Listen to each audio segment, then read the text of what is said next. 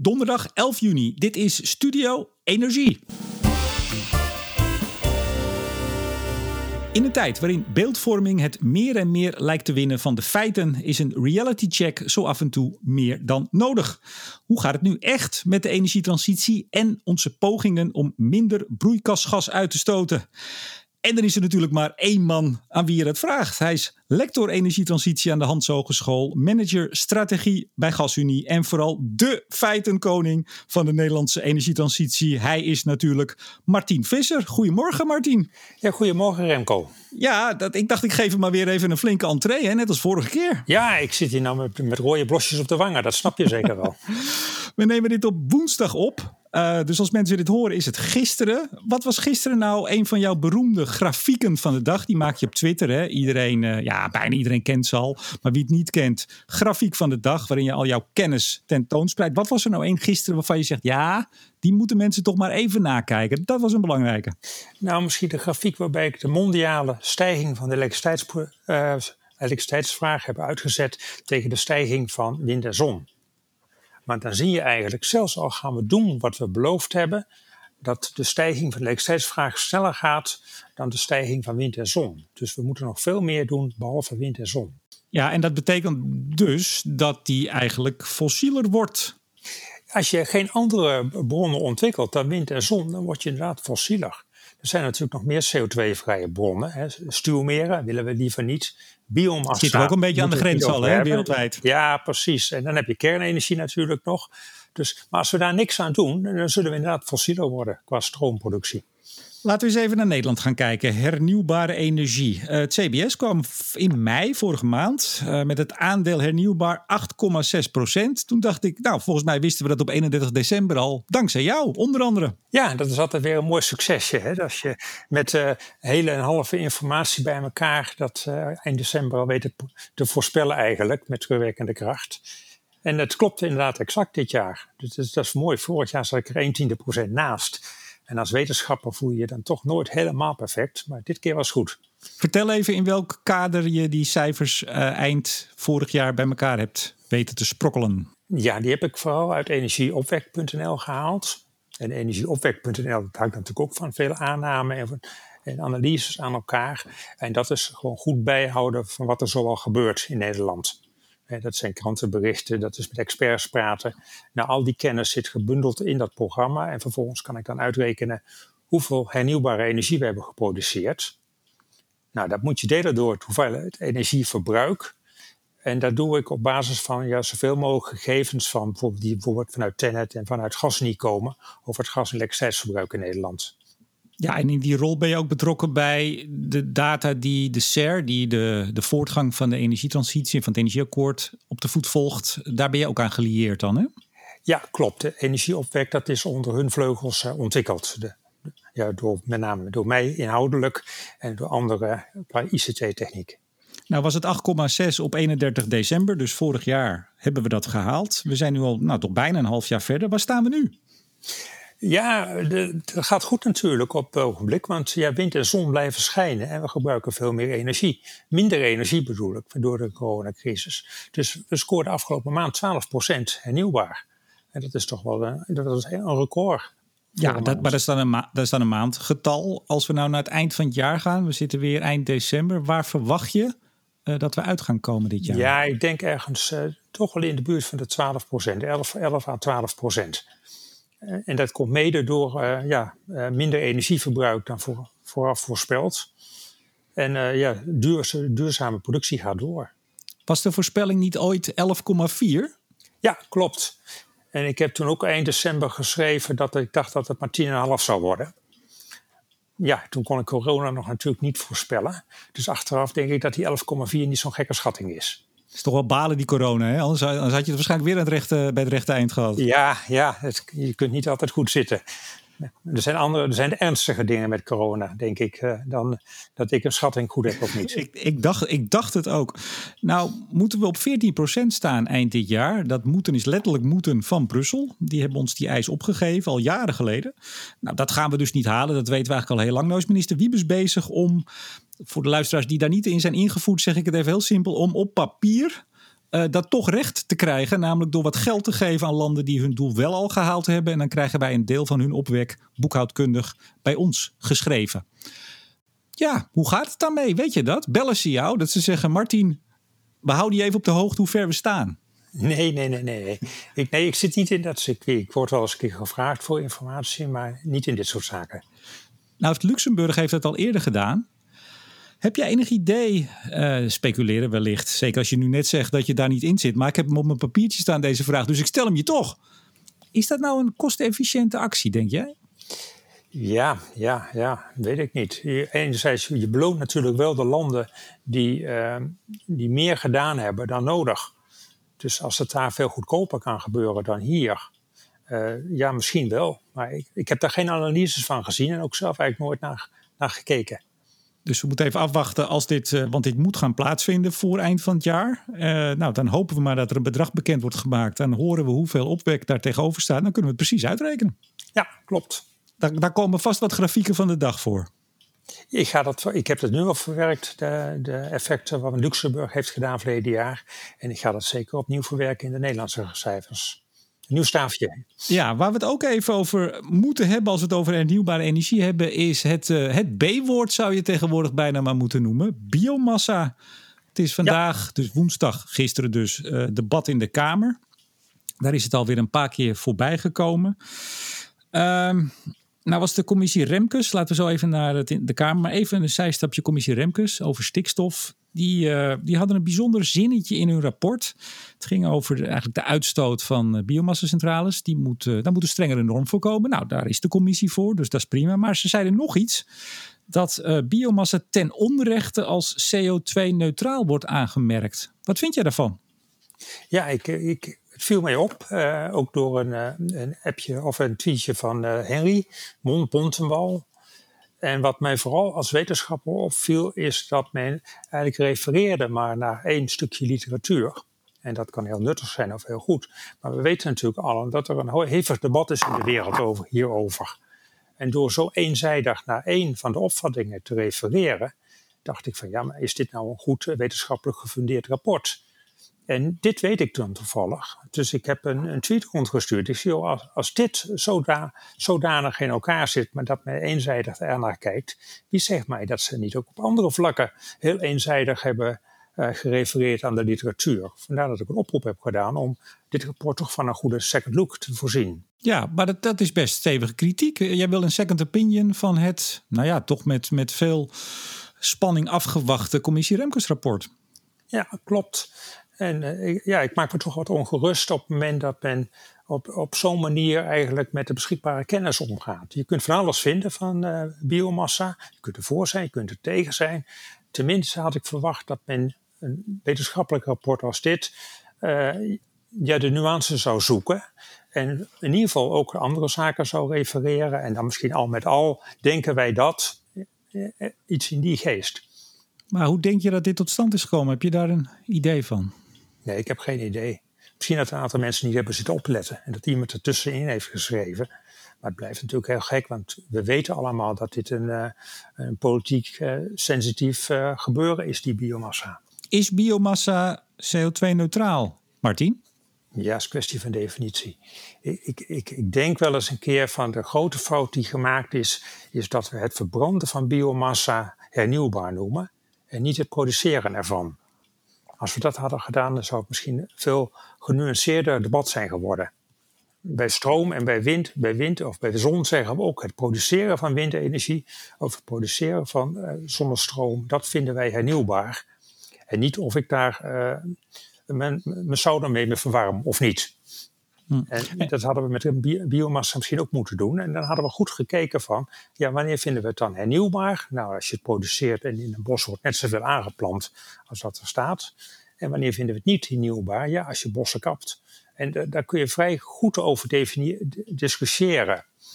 Maar nu zeggen we, als je het verbrandt, is het duurzaam of hernieuwbaar. Ja, dat voelt niet goed. Nee, maar die, die discussie ehm, gaat natuurlijk ook over biodiversiteit. Hè? Dat is een belangrijke. Dat is bijvoorbeeld Louise Vet, hoogleraar ehm, ja, biodiversiteit noem ik hem maar even. Die daar heel sterk tegen ageert. Die overigens ook in de commissie Remkes zit. En volgens mij ook heeft meegeschreven aan het artikel waarnaar verwezen werd hè? door de commissie Remkes. Ja, en ook dat is natuurlijk wel iets bijzonders. Hè? Dat je naar je eigen artikel wel verwijst en niet naar ander werk. En bijvoorbeeld een verwijzing naar het PBL-rapport was wel op zijn plaats geweest, denk ik. Ja, nou was er ook op dat PBL-rapport uh, enorm veel kritiek van, ik geloof, buitenlandse um, uh, wetenschappers. Ik geloof aan de Universiteit van Princeton, maar die hadden hem, zo begreep ik hoor, maar misschien weet jij meer, door, de, door Google Translate gehaald. En dat was niet helemaal goed gegaan. En daar werden weer conclusies op gebaseerd die wij hier dan weer uh, overnamen. Ja, ik, ik heb het zelf niet gelezen, de kritiek. Maar ik heb wel een draadje van uh, Henry Bondenborg gezien. En dat lijkt me een, een goede start om na te gaan van wat er allemaal gebeurd is. En het is toch een heel bijzonder uh, gebeuren langzamerhand. Ja, en, en Henry twittert wel te veel, denk ik. zou best wel eens kunnen, ja. Maar twittert hij niet over, zou je bijna zeggen. Ja. Maar dat, maar dat geheel uh, terzijde. Wat vind je toch nog even tot slot van dit blokje van, van dat toch de debat over biomassa? Want ik zag uh, vanochtend uh, uh, William Moorlag, PvdA-kamerlid, in zijn bijdrage. Die had het over, ja, er is toch wel stellig de indruk dat er beelden bestaan dat er bomen de biomassa-centrales ingaan. Ja, en los, of, los ervan of dat nou waar is of niet, zei hij. Daar, daar viel ik persoonlijk heel erg over. Was jou dat ook opgevallen? Nee, ik heb, ik heb het niet gezien, maar het is wel herkenbaar natuurlijk dat dit soort dingen gebeuren. Ja, ik, ik, ik, kijk, ik ben geen natuurdeskundige. Dus ik weet niet precies uh, wat er speelt. Maar het moet mogelijk zijn om op een goede manier biomassa te produceren. En natuurlijk gaat er wel eens wat mis. De eisen die we daaraan stellen, dat zijn toch zo'n beetje de hoogste uh, ter wereld. Om, door de NGO's na het Energieakkoord 2013 afgedwongen in een convenant. Nou, ik geloof dat er binnenkort ook weer een uitspraak is. Gaat goed daar? Ik hoor allerlei getik. Ja, ja, ja. ja. Zit, je, zit je nog rechtop? Ik zit nog rechtop, ja. Goed zo. Um, nou ja, weet je, het is, het is, zal ik het heel onparlementair zeggen? Het is gewoon één grote puinhoop biomassa. Zullen we het daarop houden? Lijkt me een goede samenvatting. Urgenda. Nou, dat was aanvankelijk.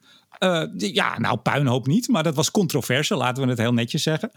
Um, nou, en dat, dat was eigenlijk bij, uh, ik zou bijna zeggen als donderslag bij heldere hemel, gaan we de doelen redden? Althans, dat is het beeld. Dus vraag ik aan jou, de feitenkoning, is dat zo?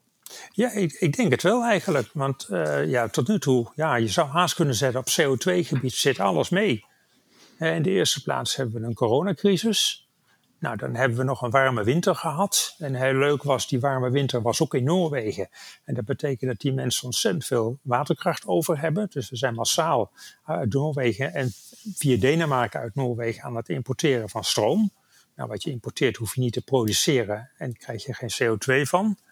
Ja, en tenslotte is aardgas heel goedkoop door corona, door de warme winter, omdat er heel veel op de wereld is. En dat betekent dat je uit de kolencentrales op een, een zacht pitje draaien en de gascentrales overuren maken. En ook dat scheelt heel veel CO2. Dus ik heb uitgerekend, tot mei zitten we al 10 megaton onder verleden jaar. En in totaal moeten we voor de agenda target die is van 16 megaton halen. Nou, daar hebben we nog zeven maanden voor. Dat, dat moet kunnen, zou je ja zeggen. Ja, we moeten die 25% reductie aan broeikasgas uh, eind dit jaar ten opzichte van 1990. Daar leken we inderdaad heel ver van af. Nou, uh, zeg het maar, hoeveel procent komen we uit? Ik denk dat we, dat we nou, 17, 18 procent. Of 27, 28 procent misschien wel. Ik schrok maar, al, Martin. Nee, nee, nee, 27, 28 procent. Oei, oei. Maar ja, misschien dat het ook minder is. Uh, wat je wel ziet is dat uh, ik zag dat het stroomverbruik begint alweer toe te nemen. Uh, we rijden veel meer op de wegen. Dus wellicht ook dat de gevolgen van de coronacrisis wat tijdelijker zijn als we nu inschatten. En dan kan het nog spannend worden. Maar voorlopig zitten we, qua mijn schatting, aan de goede kant van het, de uitspraak van de Hoge Raad. Nou, tot, tot nu toe zijn jouw schattingen eigenlijk altijd uitgekomen. Maar goed, e-, eens moet de eerste zijn. En, en het zal je niet kwalijk genomen worden in dit speelveld met corona... dat je er misschien uh, niet helemaal goed op zit. Maar 2 tot 3 procent uh, surplus, dat is nog flink, uh, flink wat. Ja, klopt. Maar goed, het gaat natuurlijk niet zozeer over eind dit jaar. Ja, dat gaat het wel. Maar Uh, dan zit er wat mee, zoals je dat zegt. En dat bedoelen we natuurlijk niet letterlijk. Um, maar volgend jaar, het kabinet heeft in april een pakket maatregelen aangekondigd. Om ook volgend jaar dan minimaal die 25% te halen. Uh, jij hebt vast dat pakket wel zo even door je oogharen laten gaan. Heb je daar vertrouwen in? Ja, ja het, zijn veel maatregelen die relatief weinig bijdragen. Er is één hele belangrijke maatregel.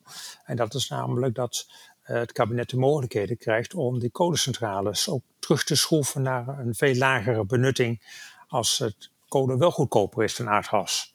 Plafond willen ze opleggen van iets van 20, 25 procent geloof ik. Ja, klopt. En volgend jaar hebben we ook in zoverre al wat, wordt het al wat makkelijker. Omdat natuurlijk dat we dan die twee windparken op zee, dat zijn hele grote windparken, die, die zijn dan klaar en die draaien het volle jaar mee. En nu wordt uh, dit eerste park wordt gebouwd, dus de, de molens doen wel een beetje mee, maar slechts een deel van het jaar. Ja, de, borstelen, de borstelenvarken 1 en 2 en 3 en 4. Ja, klopt. En verder, zon wordt verder uitgebouwd, uh, wind op land, de ene naar de andere molen verschijnt. Dus de, de, er gebeurt nogal wat, waardoor het eigenlijk elk jaar makkelijker wordt om die 25% te halen. Nou, nou zegt het kabinet met die kolencentrales, met dat plafond, daar moet overigens nog wel een deal over komen, uiteraard met de, de eigenaren lijkt me zo. En die zullen ook wel een, een centje daarvoor vragen, maar goed. Ja. Uh, 5 tot 7,5, uh, dus 5 megaton tot 7,5 megaton uh, heeft het kabinet daarvoor in de boeken staan. Is dat een reëel aantal megatonnen wat jou betreft? Ja, dat lijkt me wel een reëel aantal megatonnen. En er is ook nog een zijdelingseffect. Want als je, stel je voor dat volgend jaar kolen veel goedkoper is dan aardgas. Uh, dan zullen de kolencentrales draaien. Maar als we die vervolgens in Nederland uitzetten, dan stijgt hier de elektriciteitsprijs. Want we moeten hier gas gaan gebruiken. Maar als hier de elektriciteitsprijs stijgt, dan gaan we meer importeren. Dus je hebt nog een tweede effect op, uh, op het uitfaseren van kolencentrales. Uh, dat je meer elektriciteit gaat importeren en dat scheelt ook weer CO2. Dus ja. dat moet goed behaalbaar zijn. Ja, en, en ze gaan niet definitief dicht, dus je houdt ze ook altijd nog achter de hand voor in wat voor situatie we ook maar gaan belanden de komende jaren. Klopt, ja. Want uh, ja, dat is, uh, daar had je al eerder wat over geschreven, over in een podcast gehad. Leveringszekerheid van stroom, ja, dat wordt toch langzamerhand wat spannender met elkaar ook niet alleen in Nederland, maar in Noordwest-Europa. En ja, dan kun je ze beter nog maar eventjes hebben, om het even aan te zien. Oh, dan ga ik meteen een hele uh, rauwe vraag stellen. Krijgen wij een blackout in Noordwest-Europa, Martin? Hopelijk niet, maar ja, je weet het nooit natuurlijk. Tenet heeft geschreven dat tot 2025 zat het wel goed. En daarna was het onduidelijk, moest je het buitenland in de gaten houden. En ja, dat klinkt niet erg vertrouwenwekkend. We hebben een jaar geleden België nog gezien met een kerncentrales die plotseling in het onderhoud moesten. Dus er kunnen allerlei dingen gebeuren. Het wordt wel spannender. Ja, en ik voorspel vast, ik bedoel, ik doe niet aan voorspellingen, maar ja, jij, jij, doet het wel op basis van feiten. Ik, ik ga de voorspelling doen dat dezelfde partijen, misschien zelfs dezelfde uh, Kamerleden die nu een aantal dingen niet meer willen, dan vooraan bij de microfoon staan om het kabinet ter verantwoording te roepen. Dat zou best wel eens kunnen. Wat overigens interessant is, want uh, wie is er eigenlijk verantwoordelijk voor de leveringszekerheid van de elektriciteitsmarkt. we hebben met elkaar afgesproken dat de markt dat is. Ja, wie is de markt? Is dat het kabinet? Nou, is dat niet Tenet als uh, zetbaas? Nee, van Tenet zegt ook voortdurend van... ja, ik ga af wat anderen mij vertellen. En Tenet, uiteindelijk zijn ze verantwoordelijk voor het stroomtransport... maar niet voor de stroomproductie. Dus zeg jij nu eigenlijk dat er niemand uh, verantwoordelijk lijkt daarvoor? Ik denk het, ja. Ik denk niet dat dat goed geregeld Niemand zegt, staat op en zegt: Ik ben verantwoordelijk. Uiteindelijk zullen we natuurlijk als burgers wel uh, naar onze overheid kijken. Uh, en zeggen: van je hebt het verkeerd geregeld. Maar dat is iets anders. Ja, maar jij zegt dit altijd zo heel mooi en uh, een beetje afstandelijk. En zoals een wetenschapper het betaamt. Maar jij bent ook manager strategie van GasUnie. Dus jij hebt hier wel gewoon echt een, een professioneel antwoord op. Jij zegt dus eigenlijk gewoon: er is niemand verantwoordelijk. Voor mij is er niemand verantwoordelijk. Nee, klopt. Zal ik even een pauze laten vallen, een stilte? Want het is wel vrij ernstig dit. Ja, ja, weet ik niet. Er zijn natuurlijk wel meer. Wie is er verantwoordelijk dat er voldoende brood in de winkel ligt? Ook niemand volgens mij. Dus er zijn wel meer zaken die we op die manier geregeld hebben en die eigenlijk altijd goed gaan. Nou, ik vind brood vind ik een mooie, en dat zeg je volgens mij niet voor niks, uh, bruggetje naar het derde en laatste onderwerp van dit gesprek. Namelijk uh, een column die jij schreef en waar de bakker een flinke rol in speelde, en brood, uh, over negatieve stroomprijzen. Jouw column, want jij schrijft, of jij maakt uiteraard niet alleen de grafieken van de dag, maar schrijft ook columns bij Energiepodium. En daar schreef je, negatieve stroomprijzen zijn een zegen voor de ontwikkeling van de elektriciteitsmarkt. Waarom, waarom is dat zo? Ja, dat klopt. Ik, eh, al een tijdje zie je eigenlijk dat uh, er relatief weinig gebeurt op de elektriciteitsmarkt om vraag en aanbod aan elkaar te koppelen. er zijn wel studies en er wordt ontzettend veel onderzoek gedaan, maar feitelijk gebeurt er eigenlijk vrij weinig. er worden geen batterijen gebouwd, uh, bedrijven worden niet gekieteld om tijdelijk wat meer of wat minder stroom te gebruiken. En thuis doe je dat helemaal niet, want ja, de belastingen die zijn alles overheersend. Dus je probeert altijd zo weinig mogelijk te gebruiken. Dus je ademt niet mee met prijzen. Nog vrij los dat je meestal een vaste prijs hebt voor een heel jaar. En dus als wij inderdaad naar een, een, een solide elektriciteitsmarkt willen, zullen we dat aan elkaar moeten koppelen. En daarvoor is het prijsmechanisme. Ja, als de elektriciteitsprijs altijd ongeveer dezelfde, dezelfde hoogte heeft, ja, dan gaat niemand wat doen. En ik, wat dat betreft zijn de negatieve stroomprijzen een soort wake-up call voor een heleboel partijen om nu actief te worden. Om te kijken van, ja, hoe kan ik inspelen op prijzen met de bedoeling, macro-economisch, dat vraag en aanbod beter op elkaar worden aansluiten. Nou, nou, hebben wij nog altijd weer nieuwe luisteraars naar Studio Energie. Het is misschien toch fijn voor mensen die er iets minder goed in zitten om eerst even te definiëren wat is nou een negatieve stroomprijs en, en, en hoe en waarom treedt die op? Ja, eh, eerste is goed zeggen, de, die stroomprijs, die negatief en positief, dat zijn de zogenaamde day-ahead-prijzen. En dat betekent de prijzen die van nu op ongeveer op dit moment worden vastgesteld uh, voor de dag erop. En die dag erop, dat is afhankelijk van uh, nou, vraag en aanbod. Zeg maar hoeveel zon schijnt er, hoe hard waait het. Maar ook hoe kolencentrales, zijn die in onderhoud of niet, gascentrales enzovoort. En er zijn vragers naar elektriciteit. Nou, grote producenten die verkopen niet zoveel op die day-ahead-markt. Want dat is veel te link om met je laatste moment met al je stroom te gaan lopen leuren. Dus wat die doen, die verkopen het al jaren vooruit. Ja, pas zag ik een bedrijf, ENBW. Nou, onder de Nederlandse definitie zou het zelfs een netwerkbedrijf zijn. Maar die hebben ook een hoop stroomproductie. En die hebben voor volgend jaar bijna al hun stroom al verkocht. Oké. Dus nu terug even naar die, die, die day-ahead prijzen. Nou, op het moment dat er veel meer aanbod is dan vraag, daalt de prijs. En op een gegeven moment kan er wel zo ontzettend veel aanbod zijn dat er helemaal geen vraag meer is. En dan kan de prijs negatief worden. Net zoals we nu negatieve rente hebben, bijvoorbeeld op de bank. En dan zegt iemand: neem alsjeblieft van mij wat kilowattuurtjes af en dan geef ik je geld toe. Ja, klopt. Want je kunt het, net wat je zegt, eh, je zei net wel, eh, er zijn, batterij en vraagsturing doen we nog eigenlijk niks in. We doen wel iets, maar het is allemaal een beetje, beetje uittesten, een beetje, beetje pilotwerk. Ja, het is allemaal onderzoek. Ja, maar goed, je kunt het dus nog niet opslaan, want dat zou het alternatief zijn, komen we zo op. Dus je moet het kwijt, je, je, je moet er ergens mee heen en dan geef je wat geld toe en dan zijn er dus wel nemers, blijkbaar. Blijkbaar wel, ja, want uiteindelijk moet op ieder moment in de stroommarkt vraag en aanbod aan elkaar gelijk zijn. En behalve dat er nemers zijn, zullen er wellicht ook stroomproducenten zijn die zeggen: ja, maar als ik met mijn centrale 10 cent uh, of 10 euro per megawatt toe moet betalen om te leveren, ja, dan zet ik dat ding toch echt uit. En nu zien we dus, en dat zagen we al een tijdje, ook vorig jaar, dat vaak op, op zondagen, als er weinig verbruik is en als de wind lekker waait en de zon, nou, eh, ook de interconnectie speelt een rol, maar laten we die heel even buiten laten. In ieder geval, er is te veel. Dan, dan, dan treedt dit op. Uh, jij schrijft ook in je column dat ja, dat gaat de komende jaren alleen maar toenemen. We gaan het dus vaker zien, want we gaan veel meer productiecapaciteit neerzetten van wind en zon. Uh, op dit moment hebben ze 140% van de gemiddelde elektriciteitsvraag staan. We gaan naar de 300%, zeg jij. En zo zeg jij tegen de lezer, u raadt het al. Zodra het in 2030 een beetje waait, komt de stroom onze oren uit. Klopt. En dit zijn percentages die op Noordwest-Europa slaan. Zeker. Dus het helpt dan niet meer om het van Nederland naar Duitsland of andersom te plaatsen. Nee, het hele gebied, de hele regio heeft te maken met heel veel capaciteit aan zon en wind. Ja, maar nou zeg jij dus, dit is een zegen. En het is een zegen, denk ik dan, omdat er nu dus wel iets moet gaan gebeuren. Klopt, ja. Het, er zal ongetwijfeld toch een hoop intelligentie in de markt zijn om hierop in te spelen. En dat komt nu langzamerhand uh, ja, tot wasdom eigenlijk. want partijen die denken van ja, verdraaid, als ik geld toekrijg om stroom te gebruiken, nou dan ga ik er warm water van maken. Bijvoorbeeld. En dat zagen we bij Vattenfall. Die had al een plan om een e-boiler te maken. Ja, of de producent denkt, ja, ik kan beter wat anders mee doen, want nou moet ik het weggeven met geld toe. Ja, klopt. Dus, uh, en dus, dus zal er ook minder geproduceerd gaan worden. Het gaat twee kanten op. Maar nou, zei ik al, er zit een bruggetje naar brood en de bakker, want jij haalt het voorbeeld van brood aan. Hoe vergelijk je de brood en de bakker met negatieve stroomprijzen?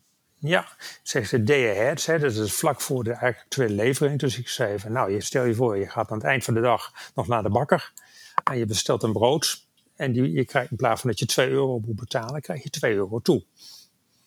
Nou, als dat de bakker één keer overkomt, zal dat nog een keer. Maar ik heb geschreven van ja, als die bakker dat vaker moet gaan doen, dan neemt hij actie. En dan komt hij in diepvries, een soort opslag. En dan kan hij dat erin stoppen. En dan haalt hij het de dag later, als er bijvoorbeeld een tekort is, haalt hij het er weer uit. Nou, op die manier denk ik ook dat we met de stroommarkt moeten kijken van, goh, hoe kunnen we die stroom die we over hebben, en die dus steeds, dat steeds vaker zal gaan voorkomen, mijn inziens. Hoe kunnen we daar toch nog iets nuttigs mee doen? Nou, nou zegt... Uh, ja, sorry. Nee, ga je gang. Uh, nou ja, in eerste instantie, het idee is natuurlijk, maak er warm water van. En dat, eh, dat is goedkoop en dat, dat kan altijd wel. wat later kun je ook denken aan, accu's bijvoorbeeld. Want uiteindelijk, het waait niet altijd en de zon schijnt niet altijd. Dus je zult ook stroom moeten hebben op momenten eh, dat het er niet is, nou, dan is het makkelijk als je nog wel ergens wat voorraad hebt. Nou, nou had ik onlangs een gesprek, ook hier bij Studio Energie, met Hans Timmers, de voorzitter van de NWA, van de, de windenergie, eh, dames en heren. En die zeggen, ja, die industrie, dat is toch een grote afnemer in potentie van stroom. Die gebruiken nu nog veel gas, maar die zouden moeten elektrificeren. En jij schrijft ook, we roepen burgers en bedrijven op om meer brood te gaan eten. We dwingen ze eventueel dat is wat we nu zien. Eh, is dat ook een, een route, dwang? Ja, moeizaam, moeizaam altijd. Hè? Want industrie, dwang, ja, je kunt het zeggen natuurlijk. Hè? Ook al via CO2-belasting kun je het ja, dwingen of in ieder geval stimuleren, afhankelijk hoe je het noemt. Uh, ik, ik weet het niet of het een goed, uh, goed, goede gang van zaken is. Want die industrie die gaat natuurlijk wel stroom gebruiken op het moment dat het hard waait op de Noordzee. Maar ja, het waait ook wel eens niet. Het is windstil. Vandaag is het ook weer bijna windstil. En wat doe je dan? Ja, dan moet die industrie, het is allemaal baseload industrie, die moet toch energie hebben. En nu gebruiken ze aardgas. En gaan we dus nu zeggen tegen de industrie van nou ja, als je die stroom blijft gebruiken, dan mag je aardgas gebruiken op het moment dat, je, dat het niet waait. je creëert een soort lock-in eigenlijk. Uh, en bovendien, op het moment dat je die grote hoeveelheden stroom aan de industrie gaat leveren, dan moeten ook kabels komen. En die kabels zijn stervensduur. Dus ik heb in mijn column gesuggereerd om eerst eens ook naar andere oplossingen te kijken. Zoals? Nou, een idee is, eh, nou, in korte termijn kun je dus gewoon warm water van maken voor warmtenetten, denk ik. Op langere termijn zou je, als het steeds meer gaat voorkomen, zou je moeten denken aan bijvoorbeeld een soort opslagmedium. Nou, misschien worden dat accu's, ik heb er zelf niet zo heel veel hoop op dat het iets groots wordt. Maar een andere optie is bijvoorbeeld waterstof van te maken. En die waterstof kan vervolgens weer omgezet worden in stroom of in andere spullen op het moment dat het niet waait. Ja, met enorm veel verlies. Hè? Dus dat doe je pas als je het echt, uh, echt niet meer weet waar je ermee naartoe moet. Ja, maar dat is een teken van negatieve prijzen. Dat je echt niet meer weet wat je ermee moet. Maar die oproep toch van de NWA, en je hoort het meer uit de, duurzame producentenhoek, van ja, laat nou maar andere partijen hè, eh, meer brood eten. Dwing ze nou maar om meer brood te eten. Dat vinden ze eigenlijk gewoon een slecht idee. Ik denk dat het een slecht idee is. In ieder geval zou ik ervoor willen pleiten dat uh, de volledige kosten heel goed in beeld worden gebracht. En dat we dus bijvoorbeeld netwerkkosten die daar het gevolg van zijn, uh, niet gaan socialiseren en vervolgens omslaan op, in de, op de energierekening van de burger.